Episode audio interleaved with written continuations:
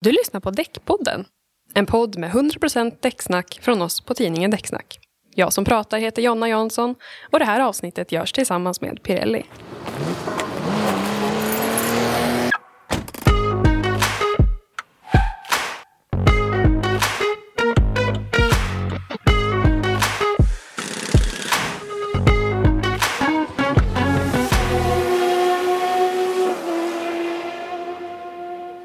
President Putins beslut att invadera Ukraina den 24 februari i år har påverkat otroligt många människors liv, både direkt och indirekt.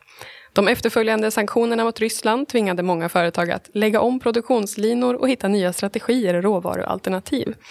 En däcktillverkare som har tampats med de här utmaningarna är Pirelli, som finns på plats här hos oss i poddstudion idag. Vi ska prata lite om hur den här krisen drabbade dem och hur de ska ta sig an framtiden. Varmt välkomna hit David Boman, VD för Pirelli och Däckia i Norden. Och sen även Tommy Hultgren, nordisk försäljningschef för eftermarknaden. Tack. Tack. Hej. Hur känns det att vara här idag? Ja, vad fan, nu är semestern slut och vardagen börjar börja igen. Men det är väl skönt. Bra att börja med något sånt här. Mm. Det blir en pangstart. Ja, en riktig rivstart. Ja. Precis, men eh, jag tänker vi hoppar in lite direkt på, på ämnet här. För ni är ju då som sagt en av de ändå största däcktillverkarna i branschen här. Eh, vill ni berätta lite grann hur Rysslands situationen har påverkat er? Ja, nej, men jag kan börja lite grann där. Men, och faktum är ju att um, i början av det här året så då gick vi ju ur situationen med pandemin. Restriktionerna började lättas av. och jag minns en episod där vi, vi reste runt och gjorde ja, arbetsområdesmöten i, i Däcka. Och, ja, men temat var liksom nu släpper restriktionerna, hur ska vi agera? Och jag vet att även Tommys team planerade för sin verksamhet och hur man skulle liksom ta sig ur den här lilla pandemidvalan som hade varit. Och mm. Det var väl några veckor där när vi faktiskt trodde att 2022 skulle bli ett rätt så normalt år. Sen hände det här med kriget i Ukraina och det man kan konstatera så här långt är att det blev ju allt annat än det vi hade räknat med i alla fall. Mm.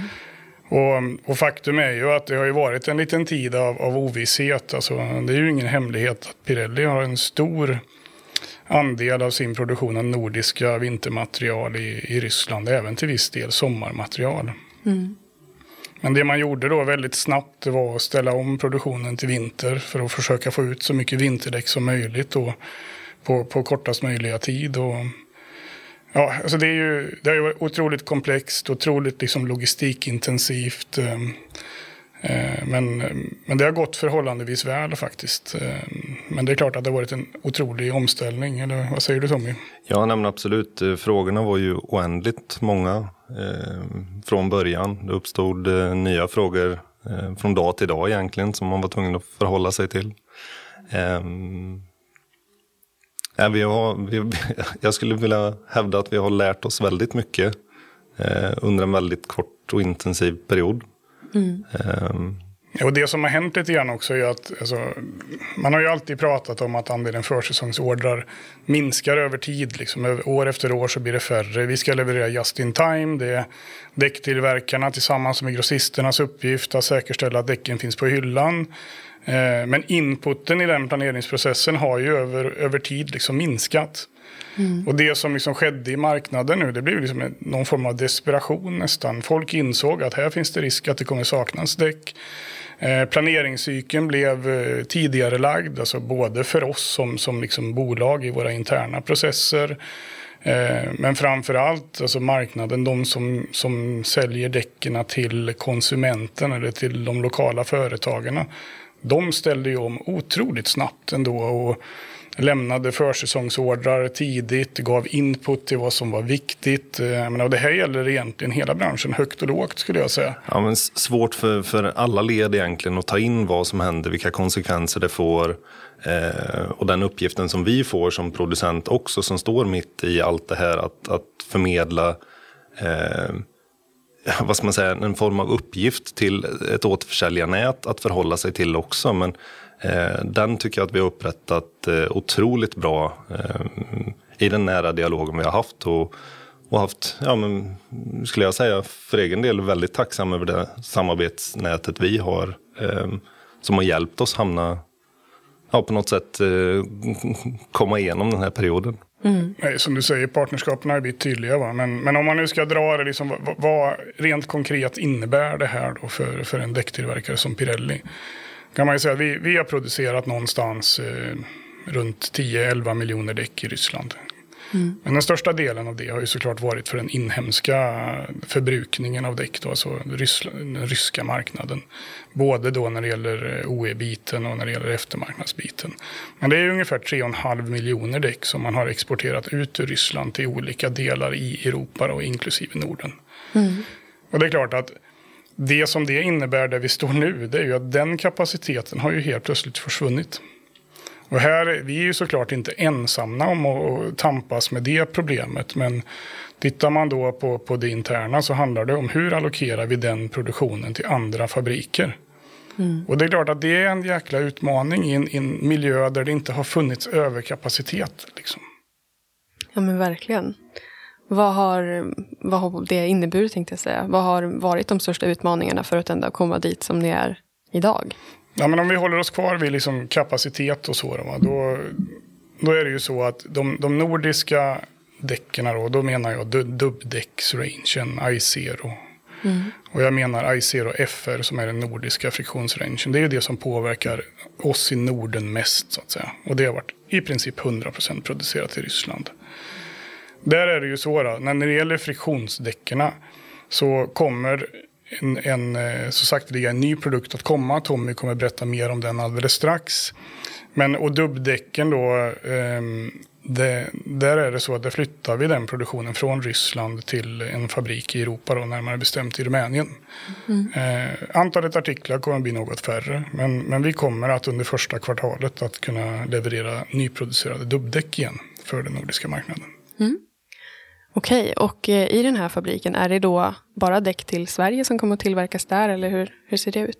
Ja, om man tittar då på Pirellis produktionsnät då, eller var vi har våra fabriker. alltså, vi har fabriker i, i England, vi har en, en jättefabrik i Rumänien, vi har fabriker i Italien. Men vi har också ett antal fabriker i, i Asien och i Kina närmare bestämt. Så att en del av de här eh, nordiska däcken, framförallt friktionsdäcket och som Tommy kommer att prata mer om, är producerat där. Mm. Eh, i Kina. Och det är klart att det blir längre ledtider eh, när det gäller den själva distributionen. Men å andra sidan så kommer vi att få mer information tidigare, vilket förhoppningsvis gör att vi kan bli mer förutsägbara i, i allmänhet. Va? Mm. Men det är klart att en del av den produktionen som har varit i Ryssland och Europa kommer att gå till Asien för att klara av att balansera kapacitetsbehoven. Mm. Okej. Okay. Eh, utöver det då, har ni sett några, några ytterligare utmaningar under den här perioden som har varit sedan den 24 februari? Eh, ja, men rent formellt så, så har det ju såklart eh, ofrånkomligt varit eh, en del strategiska beslut som har, har varit nödvändiga att, att ta ställning till.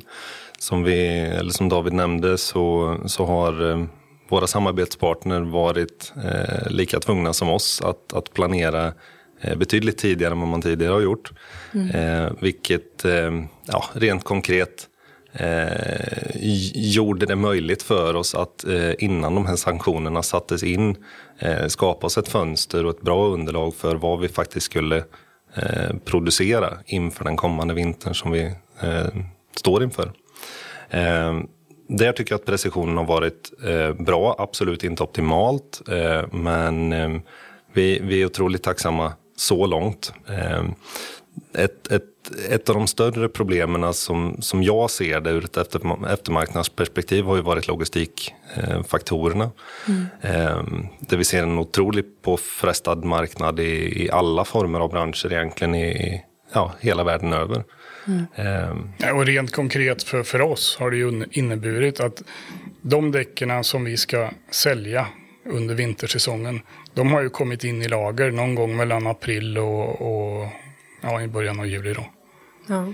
ja. Och det är klart att det är inte alla som kan ta emot däcken bara för att vi får in dem. Så att, att hantera liksom lagernivåerna. Det har ju varit en av de stora utmaningarna. Men även eh, liksom, transportkedjan ifrån Ryssland då, för att få ut de däcken innan, innan eh, gränserna in i EU stängde. Då. Det har ju varit en, en enorm utmaning för många människor i, i vår organisation. Mm. Men de har lyckats väl faktiskt. Ja, utmaningen har ju alltid varit att vara eh, starka på just precisionsbiten i försäljningsprecision. Eh, både hos oss själva men även för våra återförsäljarnät. Eh, när eh, man med ganska korta ledtider egentligen tidigare kunnat ta ställning för vad behöver jag beställa eller vad har jag mer eller mindre sålt. Den eh, metodiken har inte funkat i det här fallet utan här har man ju mer eller mindre Eh, fått utgå ifrån ett annat form av underlag för att estimera vilken försäljning vi kommer att ha framöver eh, i, i återförsäljarnätet. Och, och det är klart att den eh, har inte alls varit lätt eh, att, att förutspå. Eh, däckhotell blir ju en eh, otroligt bra eh, hjälpmedel och en, en måttstock egentligen på vad som är slitet eh, eh i marknaden. Men det fyller ju inte heller 100 procent av, av behovet där. Eh, just lagerkapacitetsbiten eh, som David nämner också drabbar ju inte bara oss producenter eh, heller utan återförsäljarnätena har ju ofrånkomligt också varit ja, men, tvungna att husera däcken mycket, mycket tidigare. Mitt i egentligen i en pågående tidigare, tidigare säsong så att säga. Ett halvår i, i förväg. Då.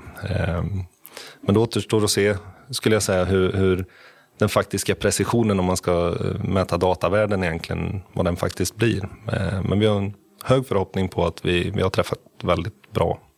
Mm. Sen, är, sen är det ju så att menar, mark marknaden så jag skulle säga den här vintersäsongen, men även antagligen hela nästa år, kommer ju att vara mer oprecis än vad vi är van med.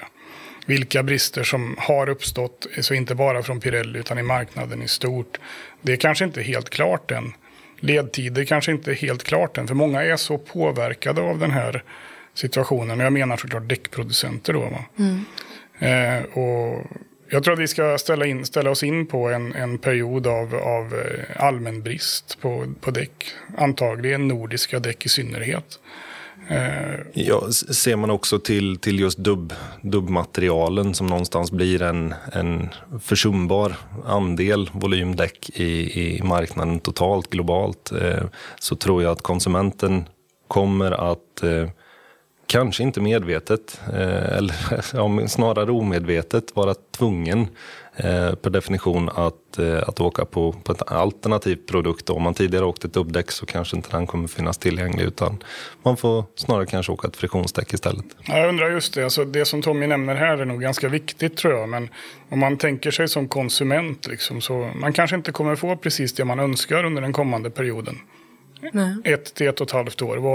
Det är svårt att säga om. Men i och med att, att eh, all efterfrågan inte kommer fyllas så, så tror vi att det kommer innebära att man kanske måste välja en annan produkt än den man ursprungligen har tänkt sig. Mm. Eh, en annan friktionstyp kanske. Ja, vi, vi kommer kanske in på det lite senare också sen, men jag tror att konsumenten eh, har så pass dålig information eller kunskap kring de här sällanköpsvarorna egentligen så att man förlitar sig i allra högsta grad till till återförsäljaren eller serviceprovidern där man köper sina däck normalt. Då.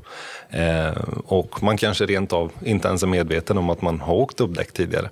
Mm. Utan det blir återförsäljarnätet som styr eh, vilket typ av däck man, man som konsument får åka på framåt. Ja, och det viktigaste är såklart för marknadens skull är ju att vi fokuserar på säkerheten. Att vi säkerställer att vi kan leverera någon form av produkt med adekvat mönsterdjup och hyfsat anpassat för den körning som personen i fråga förväntas göra. Liksom. Så att, eh, men det kanske inte alltid är specifikt den produkten man har Nej, efterfrågat. Men hur tror ni, hur kommer konsumenten att ta det? Jag tänker, det finns ju säkert många konsumenter som inte är så väldigt insatta i däckköpet utan mera litar på vad det som de, de går till sin däckverkstad och säger att jag vill ha ett däck som funkar till min bil, jag kan köra säkert. Hjälp mig att hitta ett till ett bra pris här blir det otroligt viktigt skulle jag säga att, att någonstans hålla tungan rätt i mun eh, när man ska sälja ett däck. Eller mm. för den delen köpa ett däck också. För i den marknaden vi står med, med snabba omställningar, eh, elektrifieringen, eh, en, en sån, eh, ett sånt brett spann av fordonsflotta som, som vi har idag eh, kräver helt olika förutsättningar på, på, och egenskaper på, på däcken man ska ha också. Så att att gå på ett rakt spår med att den här produkten säljer vi nu. Eh, den kommer inte funka på den breda massan. Det skulle jag säga. Sen är det ju så att i, i den här branschen vi verkar så, så finns det så otroligt mycket kunskap ute, ute bland verkstäder, bilhandlare och så vidare. Så att, att det finns kompetens nog att guida konsumenten till rätt produkt utifrån de förutsättningar som finns. Det är jag tämligen övertygad om. Absolut. Mm. Ser ni på något sätt att det skulle kunna påverka liksom, trafiksäkerheten om det är en person som har kört på dubb som kommer in och får ett annat däck? Eh, hur medveten behöver man liksom vara som konsument om hur man ska köra utifrån de däck man har fått råd om att köpa? Nej, men självklart ska det ju vara ett medvetet val man gör när man, när man väljer att köpa ett däck. Man ska veta vad det är man köper likväl som man ska veta vilken form eller typ av bil man köper när man köper en bil. Mm, mm. Eh, köper man en sportbil så, så vet man ungefär hur, hur, man behöver göra för att köra den. Då. Eh, sen är det såklart eh, återigen otroligt viktigt att, att metodiken eh, vid ett införsäljningstillfälle blir korrekt utfört också så att man ger konsumenten förutsättningarna att veta förutsättningarna för den produkten man har köpt. Lite mm. invecklat men, mm. men eh, hoppas den når fram. Eh. Jag tror att det landar tillbaks i, alltså i den fackmässiga kompetensen. Alltså. Mm. Utmaningen för branschen kanske snarare är att eh, kommunicera och dra nytta av det, det vi redan vet på något sätt. Men att man säkerställer att ja, vi har en, en, konsument som kommer in, fick inte tag på något dubbdäck oavsett fabrikat så det blev ett friktionsdäck. Då måste ju den verkstaden vara väldigt tydlig med den kunden och tala om vad den kan förväntas i form av ändrat beteende på den bilen. Och rent logiskt får man den informationen, absolut. Ja. Mm. Men, att, men att även att eh, våra nätverk i den här branschen faktiskt tar det ansvaret också och, och informerar. Och jag vet att det är svårt för det här är under brinnande säsong när man har som mest att göra och så vidare. Men jag tror att de flesta däckkedjor och bilhandlare och annat kommer, alltså att man har hajat det. Och man mm. förbereder sig för att kunna vara kanske lite extra tydlig i kommunikationen med konsument den här vintern. Mm. Vad vet ja. jag. Men, men som din ursprungsfråga, kommer det påverka trafiksäkerheten i allmänhet? Nej, jag tror inte det. Mm. Faktiskt. Utan jag tror att vi klarar som bransch av att leverera produkter som, som eh, kommer upprätthålla trafiksäkerhet. Mm. Men det kanske krävs lite extra insatser det här året i och med att ja, men i vissa fall kanske man till och med kommer jobba med, med varumärken som man inte är van med. Mm. Så det, att lägga fokus på att se till att kunden får den informationen den behöver. Det tror jag är liksom nyckeln till, till det. Mm. Och den kompetensen finns som sagt i den här branschen, det är jag övertygad om.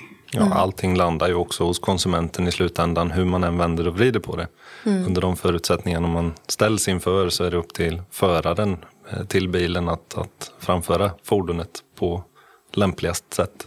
Mm. Så att nej, jag tror heller inte att vi tummar på någon säkerhet. Nej.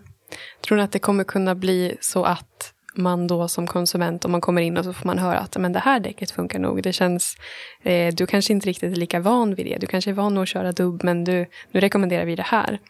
Eh, att, att det kan bli ett scenario att man då låter bli att köpa däck och väntar och sen sliter man ner sina däck lite väl långt och så blir det någon slags eh, risk utav det. Alltså jag, jag, tror inte heller det, utan det här går tillbaka till det vi sa innan. Liksom att vi har så många proffs här ute mm. som möter våra konsumenter dagligen. Jag tror att de vet exakt hur de ska hantera det här, om jag ska vara ärlig. Mm. Eh, men det är klart att, eh, att kunna att ha den här rådgörande funktionen. Mm. Där någonstans tror jag att det sitter. Liksom. Sen det kanske kommer vara någon stackare som väljer att inte byta när man borde. Det, men att det ska vara en överhängande risk länkat till det är jag tveksam.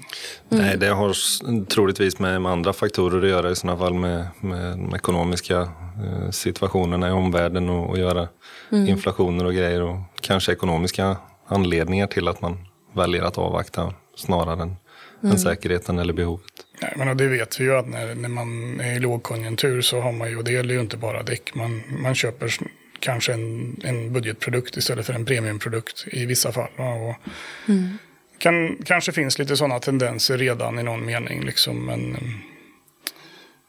jag tror inte att det är, någon, det är ingenting som är stort eller omvälvande på något sätt. Utan det är, det är någonting som den här branschen har hanterat tidigare och det kommer vi göra igen. Absolut.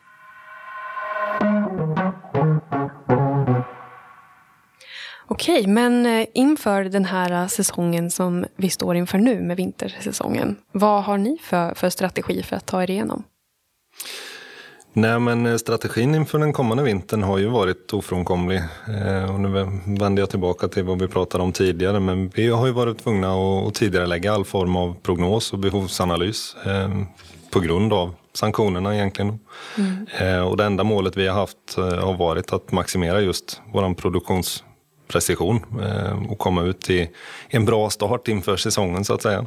Mm. Sen kommer det alltid finnas ett, ett ytterligare behov löpande när säsongen väl är igång, vilket vi är tämligen rustade för skulle jag säga.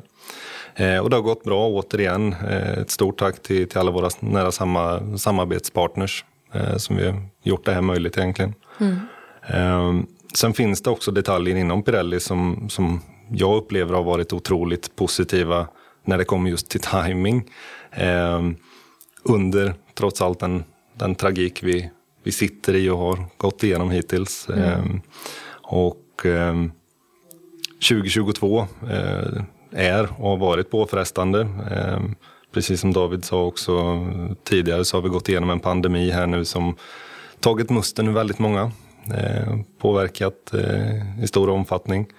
Eh, men bland annat tillgänglighet och utbud. Eh, men Pirelli har under en tid utvecklat en ny nordisk vinterprodukt. Och eh, med några snabba anpassningar i slutskedet av industrialiseringen av den produkten så har vi i dagarna nu fått in de första leveranserna av det nya friktionsdäcket och Ice Zero Asymmetrico. Ja. Den kommer ju att bli den perfekta ersättningen till Ice Zero FR som också då varit producerad i, i mm. Ryssland tidigare. Mm. Eh, och kommer ju då i mer eller mindre exakt rätt tid. Mm. Så den är vi spända på att sätta vad, till marknaden. Vad kul att höra. Hur, hur har ni tänkt då när ni har utvecklat det här däcket? Eh, för jag kan tänka mig att det har varit lite annorlunda förhållningsregler. Ja, egentligen inte. Den här produkten eh, har inte på något sätt kommit till på grund av omställningarna vi har tvingats till utan det är en planerad produktutveckling och en produkt mm. som, som har legat i pipen. Okay. Sen är det tajmingen som, som har varit tacksam just i det här skedet. Då. Men mm. den är, det är en produkt testad och utvecklad på vårt svenska testcenter i Flurheden utanför Luleå här mm. i Sverige. Eh, produktionen sker, eh, som David hintade lite grann om tidigare, i en av våra kinesiska fabriker. Eh, och fokuset på den här produkten ligger främst på, på komfort och egenskaper vid blixthalka skulle jag säga. Eh, egenskaperna i ett däck eh, normalt sett är ju en kompromiss. Mm. Där jag personligen upplever att produkterna vi är, vi är vana med, både dubb och på friktionssidan, kanske lite väl bra i vissa egenskaper. Mm. här har vi valt att, att tweaka lite grann då och hittat ett temperaturspann i gummiblandningen mer eller mindre som tillgodoser en stabilare känsla och eh, säkrare körning även vid nollgradigt. Mm. Eh, och det är oftast de förutsättningarna vi ställs inför i Norden under vintern. Vi åker eh, mer eller mindre majoriteten av tiden på, på torr eller våt barmark. Mm. Ja, precis. Nej, men och, som Tommy säger då, det här, det här är ju en produkt som är ny som vi introducerar mer eller mindre i dagarna. Ehm, och den, den eh, är en fullgod ersättare till ICER och FR. Men det är också så att eh, Pirellis arbete med att fortsätta att utveckla produktportföljen kommer ju inte sluta. Utan vi, vi förväntar oss att eh, under 2024 kunna se en uppdaterad eh, produktportfolio när det gäller dubbdäck. Men även eh, nästa generation av i0 FR som nu fasas ut då på grund av att den har producerats i Ryssland.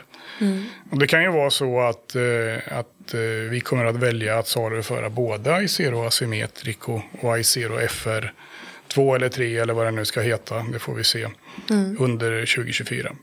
Det, det, har inte vi bestämt oss för än, men, eh, men det som liksom är budskapet här som är viktigt, det är att Pirelli fortsätter satsa på nordiska vinterprodukter.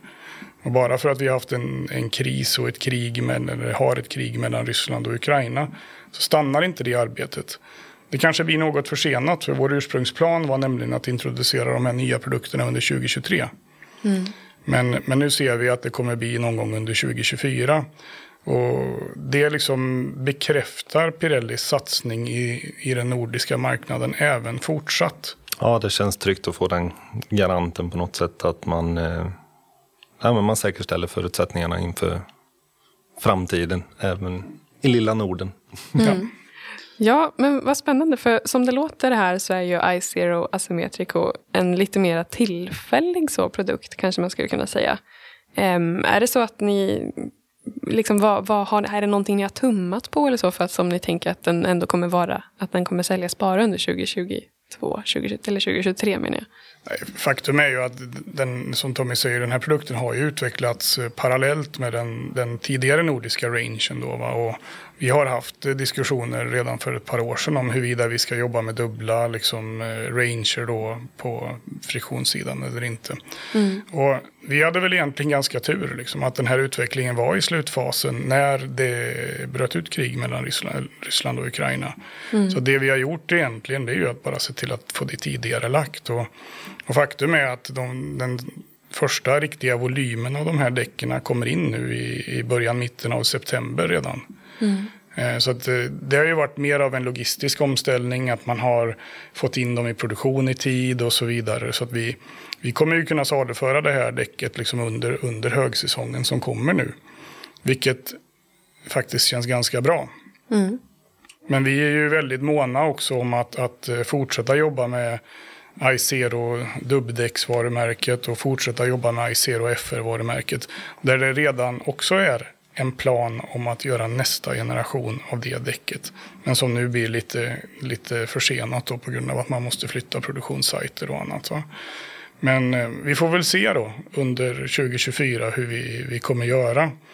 Men det viktiga budskapet eh, om man tänker till branschen i allmänhet det är ju att Pirelli kommer ha god tillgång på, på friktions och dubbmaterial även i fortsättningen.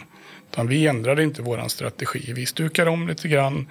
Eh, vi passar på att göra en del förbättringar på, på produkterna. Några nya mm, dimensioner kommer säkert komma också. Men eh, Pirelli kommer att vara närvarande i den här delen av marknaden även fortsättningsvis. Ja, ska vi komma in lite närmre på, på däcket specifikt då, så är mönstret på, på Icero Asymmetrico eh, som namnet lite antyder ett så kallat asymmetriskt eh, utformat däck då, vilket innebär att den inte har den klassiska rotationsbestämda layouten. Eh, tack vare det här så får ju däcket likt ett modernt sommardäck som vi har sett de senaste 10-20 åren. Eh, betydligt högre vattenevakueringsegenskaper då. Eh, och det är banbrytande för den här typen av produkter men jag tycker att den ligger helt eh, rätt eh, i tid. Och jag tror inte bara att jag talar för mig, mig själv utan eh, för Pirellis räkning. Att produkten sen skulle kunna kännas lite tillfällig har, som vi har nämnt här nu då, eh, dels att göra med den tacksamma tajmingen eh, av produkten i sig. Eh, men också jakten vad ska man säga, på, på utvecklingen av nya produkter. Mm. Det går otroligt snabbt idag och vem vet, eh, nästa generation framåt 2024 kanske blir en, en spin-off på just, just det här materialet. Mm. Ja, spännande. Det ska bli kul att se hur det här eh, landar på, på marknaden. Ja, men det ser vi också fram emot. Absolut. Mm. En indirekt konsekvens här av Ukraina-kriget är ju också prisökningar och längre leveranstider på däck till kommande vintersäsong. Hur stora prisökningar kan vi vänta oss jämfört med förra året när det gäller era däck? Det är klart att priserna är ju, våra prisjusteringar är ju deklarerade i, i marknaden via däckdata och kompilator och de brev vi skickar ut. Men jag tror att man ska räkna någonstans med, det beror ju såklart på vilken period man jämför, men, men det är ju någonstans 10 till eh, 15 procent mm. eh, som man får räkna med. Och det är klart, bak, det, det låter ju dramatiskt. Va? Men det, faktum är ju att det är många komponenter i däcken, alltså råmaterialen. Där prisbilden har varit väldigt ostabil egentligen även innan eh, kriget bröt ut så, så var ju trenden att råmaterialpriserna ökade ganska kraftigt. Det fanns till och med en del brister liksom som, som kanske spädde på den förändringen av råmaterialpriser. Eh, och faktum är att den trenden består väl fortsatt lite grann. Men det stora som har hänt sedan kriget i Ukraina bröt ut, det är ju att logistiken är ju så påverkad. Va? Eh, och det, har varit, det är fortsatt brist på, på transportkapacitet i Europa och, och godsflöden i allmänhet har väl varit ytterst intensiva här nu då, sen kriget bröt ut i alla fall fram till och med mitten av juli. Mm. Och det har ju gjort att, att priserna på transport har gått upp. Sen har vi drivmedelsfrågan som också är en, en drivkraft här såklart. Men det som man heller inte ska glömma är ju att däckfabriker konsumerar ju stora mängder energi. Mm. Och vi mm. har också en ganska stor påverkan på, på energipriset i, i allmänhet. Oavsett om det nu är gas eller elektricitet så är det ju en påverkan på det som på något sätt då översätts i, i däckets pris såklart. Mm. Eh, inflationen är hög i Sverige, övriga Europa högre än någonsin. Eh, I modern tid i alla fall så att säga. Så det är klart att det är många faktorer som gör att priserna på däck går upp. Liksom priserna på, på andra förbrukningsvaror i, i samhället i allmänhet har gått upp ganska kraftigt. Eh, vi ser det i lokalhyror, vi ser det i, i liksom mer fasta installationer också på något sätt. Så att, jag tror inte vi, vi är liksom ingen vurmare för att man ska trycka upp priserna mer än vad man måste. Men jag tror att de flesta som agerar i en, i en fri marknad måste säkerställa att man skyddar sina marginaler och, och tar höjd för liksom att i alla fall inte, inte minska marginaler i någon större utsträckning. Då någonstans pratar vi om en sund marknadsekonomi.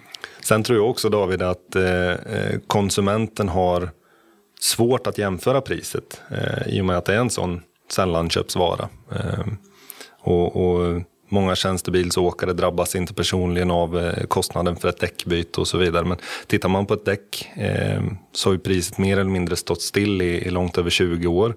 En klassisk dimension 205 55 16 kostar idag mer eller mindre lika mycket som det gjorde då. Mm. Det hänger vi givetvis ihop med effektivare produktioner och, och, och annat såklart. Men den stora utvecklingen på, på att priserna har stigit hänger snarare ihop med utvecklingen av bilar. Eh, man åker idag dyrare bilar, eh, både större och kraftigare och mer avancerade. Det är säkerhetssystem och så vidare. Individualiseringen och, och satsningen som, som man gör både från däckproducenternas sida men, men framförallt eh, och i grunden bilindustrins sida eh, med individualiseringen av, av produktkomplexiteten eh, är egentligen det som, som man ser eh, står för den, den tydliga trenden. Mm. Eh, så det blir svårt att jämföra. Alltså man, man köper kanske en uppsättning däck var tredje år. Hur frekvent byter man bil idag? Då, då går man kanske inte samma modell. Eh, utan en helt annan dimension, en helt annan eh, mm. spes på, på däcket också för den delen. Det blir inte jämförbart. Eh. Nej. Nej men precis. Men om vi hoppar över lite grann mera på, vi har pratat lite om det, men kring eh, leveranstider och lite granna förbeställningar och mycket, eh, mycket sådant. Eh, är det någonting som är bråttom som konsument? Måste man förbeställa sina nya däck nu till den här säsongen? Nej men eh, vi är ovana med, med de lite längre ledtiderna eh, som vi upplever just nu då. Eh, men nej, jag skulle nog inte definiera det som, som bråttom. Det är, det är som alltid bra att vara ute i tid och planera sina inköp eh, såklart. Eh, tror inte att vi vill se en situation på däcksidan som, som vi upplevde under pandemin med till exempel toapapper. Att man, man bunkrar på sig och så eh, blir det en ja, obalans i, i, i flödena. Eh, mm. där, utan köp däck om du måste men, men planera i god tid precis som man bör göra i vilket annat fall som helst våga ta hjälp av, av kompetensen som, som, som finns ute i marknaden också hos din däck eller serviceleverantör. Nej, men jag upplever också att liksom, fackhandeln och grossister och, och, bilhandel i allmänhet de har tagit ett väldigt stort ansvar för att säkra upp tillgång på däck till konsument. Mm. Så jag, jag är helt enig med Tommy. Jag tror inte man ska stressa liksom, kring det här. Det är ingen paniksituation. Vilket det kanske framgår att vara i viss media eh, på nationell nivå i det senaste. Liksom. Mm. Men det som, som man kanske missar i den analysen det, det är ju det jobb som våra däckkedjor har gjort. Eh, jag kan prata för Däcka i, specifikt. Men, men däck, jag har aldrig haft vinterdäck på lager så tidigt som de har haft det här året. Och jag är tämligen övertygad om att det inte är något unikt för. Utan, och det är därför jag säger att jag tror att branschen har tagit ett stort ansvar här. Mm. Men menar, hade jag varit konsument, ja, jag kanske inte hade väntat lika länge som jag brukar vänta. Men, mm. men jag tror inte att det finns någon anledning till panik. Liksom. Mm. Sen, eh, sen kan det ju vara så att det blir andra frågor som snarare om kapacitet. När kan jag få det skiftat i förhållande till väder och allt det här. Som är en normal del av, um, av liksom däckvärlden i Norden. Mm. Men uh, det kan hända att det blir någon viss påverkan där med tanke på att vissa kommer säkert tidigare lägga sina planerade inköp för att säkerställa att man får just den produkt man, man frågar efter. och sådär. Mm. Så att, jag tror att det är en balans någonstans. Liksom. Vänta inte för länge, men, men panika inte. Liksom. Nej, men för att vända tillbaka till, till prisfrågan också såklart. Jag tror att det här går hand i hand med hur hur branschen har jobbat under eh, ett stort antal år tidigare också med en, en god framförhållning. Eh, och återigen då, däckhotellen eh, väger ju en, eh, en stor vikt givetvis i att kunna ha en framförhållning. Eh, det jag tror och hoppas på att de, de flesta i återförsäljarnätet har varit tidiga och, och kunna informera sina kunder och förare att, att dina däck är slitna redan då under under våren som var. Mm. Eh, och att man där på något sätt har förstått allvaret i den situationen vi, vi, vi står inför. Och kunnat ge en möjlighet till eh, och ett er, erbjudande till konsumenten i, i, i god tid. Eh, det är klart att ja, tackar jag inte nej till det, det erbjudandet för, för tåget går. Eh, så är det nog kanske, men ingen anledning till panik. Jag menar, och här igen, alltså, branschen är, är mogen i den meningen. Liksom att det finns rutiner etablerade. Man, man mäter sina däckhotell och man kontaktar kunderna som behöver byta däck i, i kanske lite tidigare det här året. Vad mm. vet jag? På vissa, I vissa eh, kedjor och så vet vi att det är så i alla fall. Mm. Och även här tycker jag att liksom det faller tillbaka lite grann till, till det faktum att eh, branschen i allmänhet har hög kompetens och man tar det ansvaret man behöver göra för att hantera trafiksäkerhetsfrågan till exempel. Och det är inte så konstigt, det ligger ju i deras egen vinning liksom, att försöka sälja in de här däcken. Mm. Så det, jag tror att balansen kommer landa ganska bra, om mm. jag ska vara ärlig. Liksom. Ja, och viker nog som sagt inte nämnvärt ifrån hur, hur man är van att jobba tidigare egentligen. Mm. Nej, och igen, alltså jag har sagt det flera gånger under det här samtalet, men, men jag tror att branschen liksom är redo att ta det här ansvaret. Så jag känner inte så stor oro kring det liksom, i allmänhet. Mm. Det, är, det är proffs vi har att göra med. Ja, men för om vi, om vi pratar lite mer om, om däckkedjorna och just om, om den här kompetensbiten. För det kräver ju ändå att det finns mycket kompetens hos branschen. Och det, som ni pratar så låter det ju som att ni litar på att det verkligen finns det. Eh, men vad gör ni på, på Pirelli till exempel, eller ni på Däckia, eh, för att säkra upp att det finns ändå kompetens ute hos de som ska ha den direkta kontakten med konsumenten. Jag tror att det är bra att du ställer frågan som du gör. För jag menar att det är på just det sättet. Att det här är inte ens ansvar. Utan det här mm. är flera liksom instanser i den här branschens ansvar. Jag, jag tycker, och det står jag verkligen för, att däcktillverkarna har ett stort ansvar att säkerställa att eh, de som är våra partners, eh, våra kunder eller hur man nu vill uttrycka det, faktiskt har rätt kompetens för att saluföra produkten och köper av oss. Mm. Så det är ju någon form av baseline. Liksom. Det här måste man göra som en seriös aktör i den här branschen. Och även Pirelli, likt säkerligen många andra, jobbar ju med utbildningsprogram. Vi kanske är lite mer fokuserade på, på det fysiska mötet och vi, vi har sett att det ger bäst effekt där. Mm. Men, eh, Vad menar du då för någonting? Då? Ja, men att man faktiskt träffas i mindre grupp och att man eh, tar lite allmän däckkunskap. Och då menar jag i allmänhet liksom hur ett däck fungerar, vad är riskerna, vad ska man se efter och så vidare. Mm. Men sen handlar det också om att man måste förstå den produkt man säljer. Det är en viktig del i, i det här för att kunna förmedla budskapet till konsument. Mm. Och då, då blir det ju mer producentspecifikt eller varumärkesspecifikt. Liksom vad är, vad är de olika egenskaperna med, med vårt nya däck som kommer nu, Icero Asymmetrico? Mm. Så det, den som ska sälja det däcket behöver ju ha den informationen för att kunna vara träffsäker i sitt arbete. Mm. Och den här delen ligger ju liksom i, i däcktillverkarens ansvar. Men sen så har ju kedjorna, oavsett om det nu är däckfackhandel eller bilhandel eller om man kanske till, till någon mån är fristående, att man har effektiva rutiner för utbildning av sin egen personal, introduktion av extra personal. Det är ju minst lika viktigt. Mm. Och anledningen till att jag trycker lite extra på det här, liksom, det är ju att vi är ju baserade, eller branschen är ju säsongsbaserad. Det innebär att vi har mycket extra personal. Sådana som kanske byter däck eh, för första gången i sitt liv. Eh, I många fall yngre människor som kanske inte har erfarenhet och rutin på de här sakerna. Och, för att vi, och vi, vad ska vi göra då? Jo, vi ska genomföra de här säsongerna på ett säkert sätt för, för personalen som finns i branschen. Vi ska genomföra det på ett sätt som blir säkert för föraren av bilen. Och vi ska göra det på ett sätt som är ytterst professionellt så att branschen har ett högt anseende och ett gott förtroende. Det är ungefär det vi behöver göra. Mm. Men för att lyckas med det så måste man ju ha någon form av förkunskap. Och det innebär ju att de människor, framför allt då som inte är i den här branschen varje dag håret om så att säga. Där behöver man ju lägga någon form av extra energi då som, som kedja eller som enskild företagare. Mm. Eh, ja, det är en viktig fråga. Va? Mm. Faktum är ju att det är ju inte helt ofarligt. Det händer ju titt som tätt att det är allvarligare olyckor med däck som exploderar och så vidare. Va? Hjul som inte dras åt ordentligt och står sen efter motorvägen med tappade hjul och så vidare. Mm.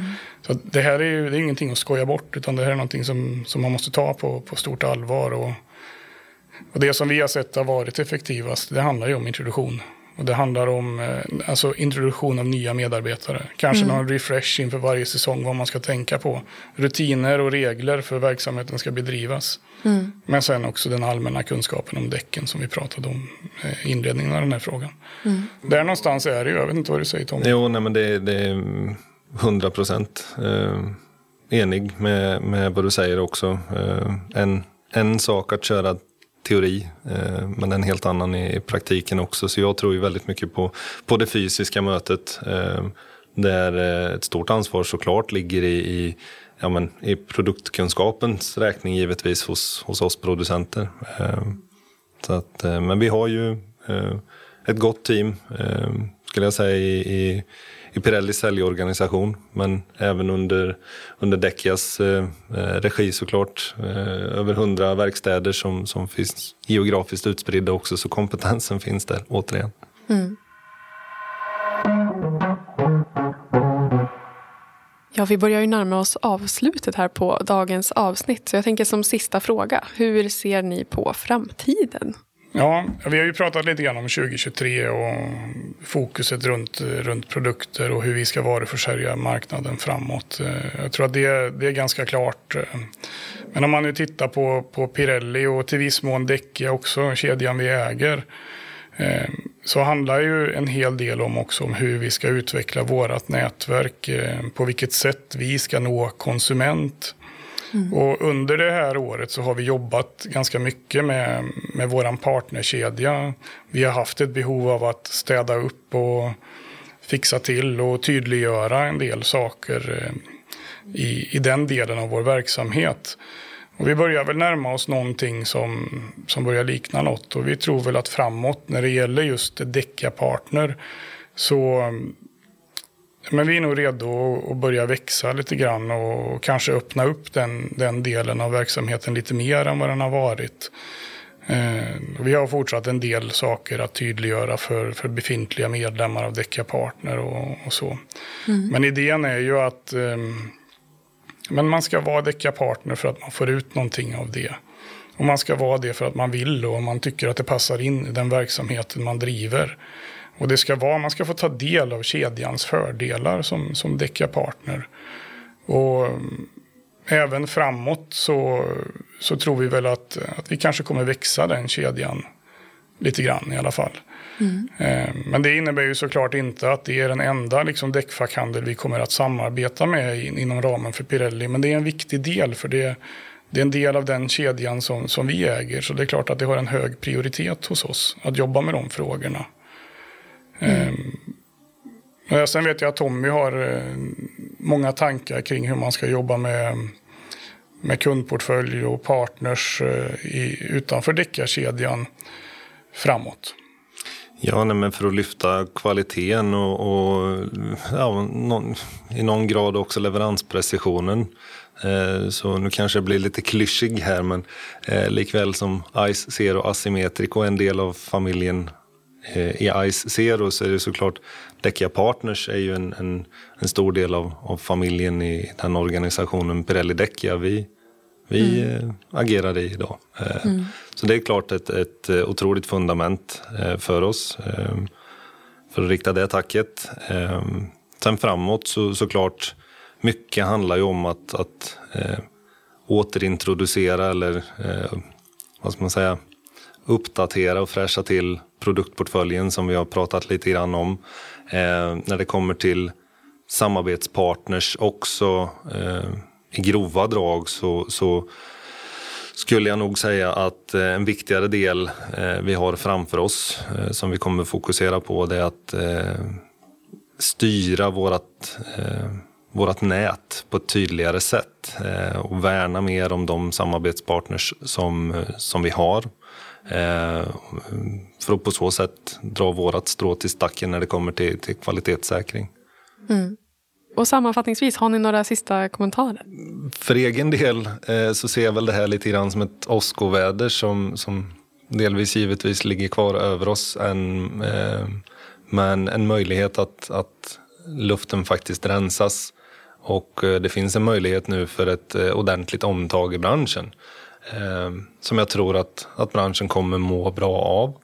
Eh, så för Pirellis räkning så, så kommer vi stå fast vid sidan av våra samarbetspartners och, och fortsätta utvecklingen av pro, produkter och, och våra gemensamma däckaffär.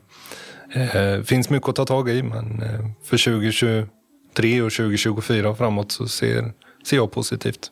Mm. Vad kul att höra. Vi hoppas att, att det blir en fin fortsättning här framöver och att, att krisen inte blir så, så krisig. Eller hur man ska ja, det får vi hoppas. förklara. Ja. ja, men stort tack för att ni kom hit. Tack så mycket. Tack stort för att vi fick komma. Tack ska ni ha. Och eh, ni som lyssnar vet att det kommer nya avsnitt här framöver. Och för att veta när de kommer kan ni antingen prenumerera här på kanalen eller följa oss på sociala medier. Där heter vi Däcksnack eller tidningen Däcksnack. Ha det fint. Hej hej!